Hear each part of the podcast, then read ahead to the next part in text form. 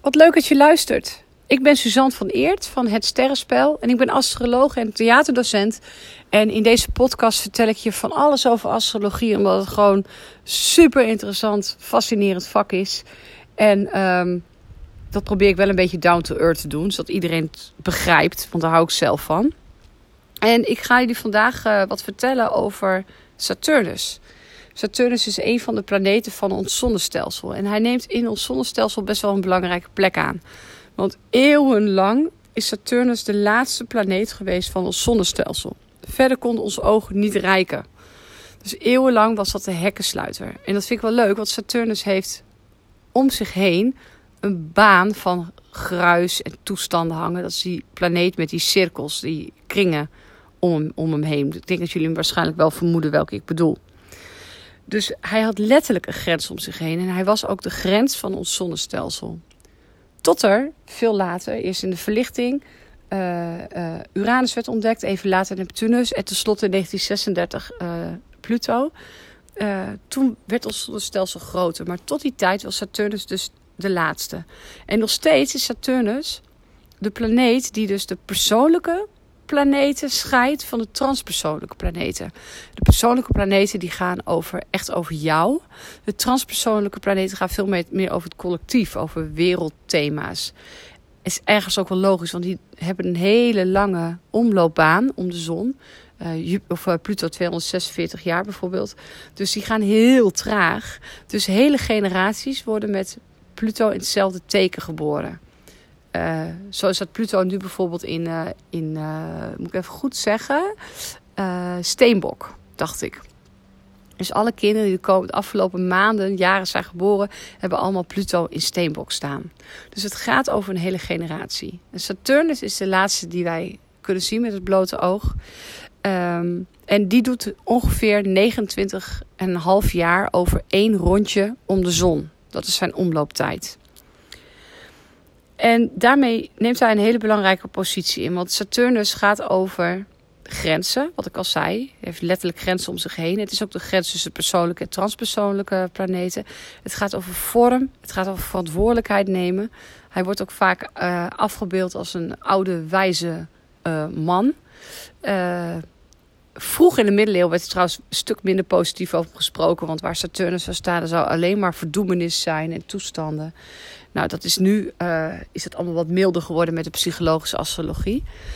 Um, maar hij kan een beetje zwaar op de hand voelen. En toch is hij ontzettend belangrijk. Want als er geen vorm is, kan je ook nooit inhoud uh, eraan geven. Er kan er geen inhoud in. Dus je hebt vorm nodig. En Saturnus is echt een grote vormgever. Die brengt echt structuren aan in je horoscoop en in je leven. Het is trouwens heel leuk dat ik juist Saturnus zo leuk vind. Want ik ben echt totaal niet gestructureerd. Ja, of misschien ben ik het wel, maar op een andere manier. Maar goed, dat is weer een ander verhaal. Saturnus is in, uh, in ieder geval een hele fascinerende planeet. Um, op het moment dat Saturnus weer terugkomt op de plek waar jij geboren bent. Dus dan heeft hij een heel omloop, 29,5 jaar heeft hij gemaakt. Ongeveer trouwens, want hij kan soms ook iets teruglopen voor het oog en iets vooruit. Dus het kan iets eerder zijn, iets later.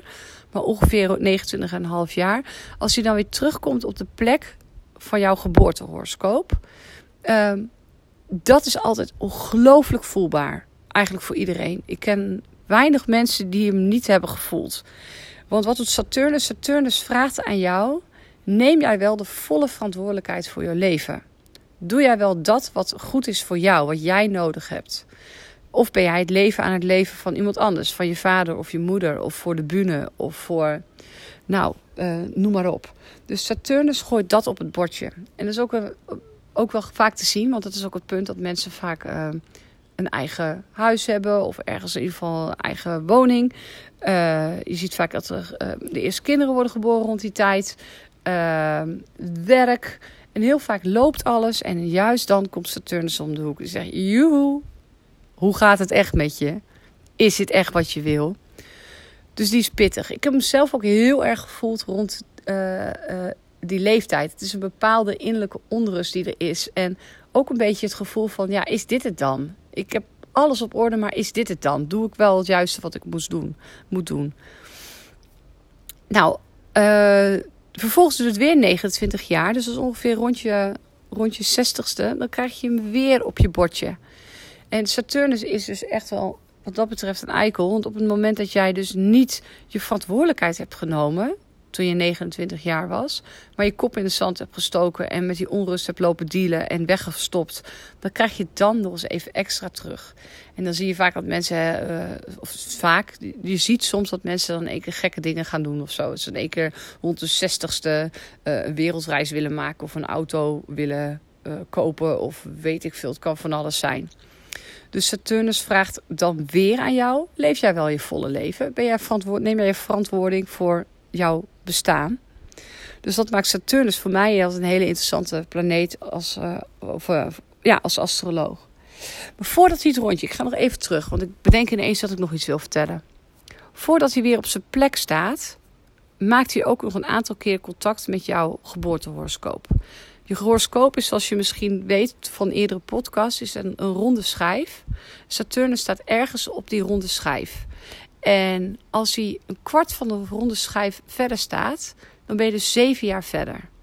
En rond de zevende, dat is vaak het moment dat je in één keer uh, beseft, hé, hey, er zijn ook anderen en je grenzen worden groter. Het was vroeger ook altijd het moment dat de kinderen leerden lezen en schrijven. Ik weet bijvoorbeeld in Hongarije, in Zweden dacht ik niet, maar Hongarije sowieso.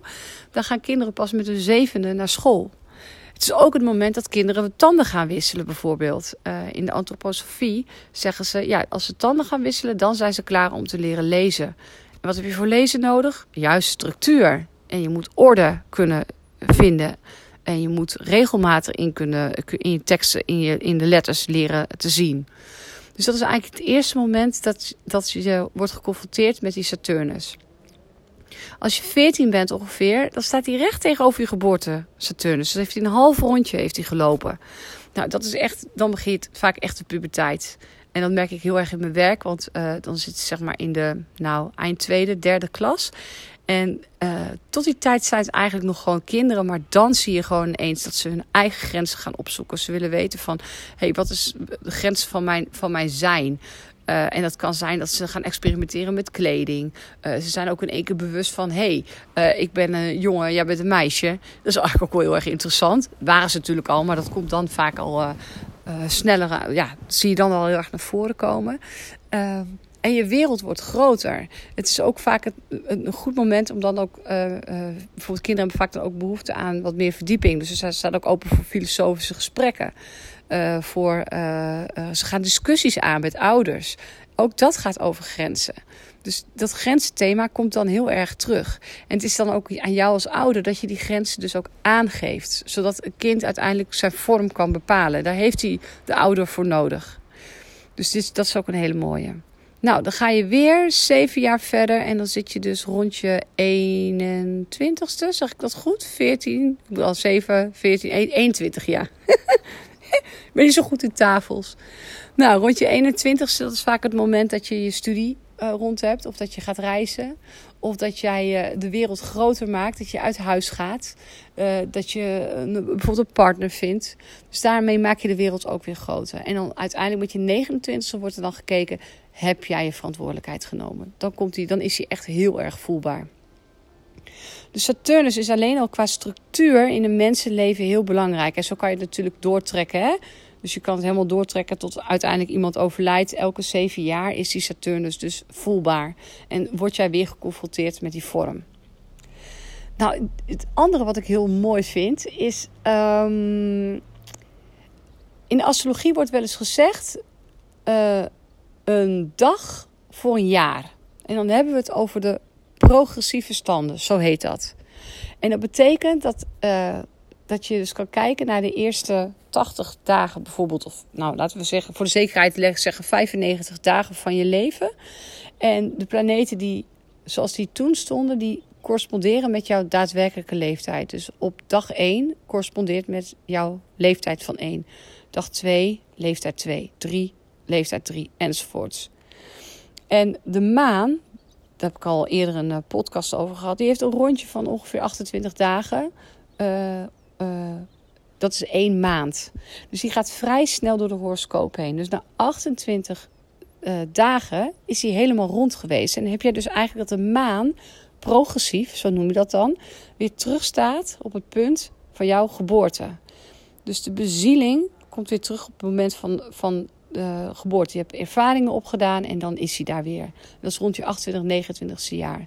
Maar Saturnus doet daar dus ook aan mee. Want die maakt zo'n, eigenlijk zo'nzelfde rondje, alleen dan in transit. Dat is dus gewoon een jaar is een jaar. Dus niet een dag is een jaar, een jaar is gewoon een jaar.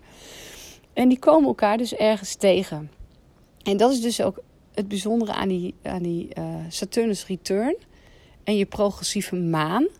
Uh, dat de bezieling, want de maan gaat over bezieling, is in principe bijna vormloos. Het gaat over uh, conditionering, over het vrouwelijke thema, over kunnen ontvangen.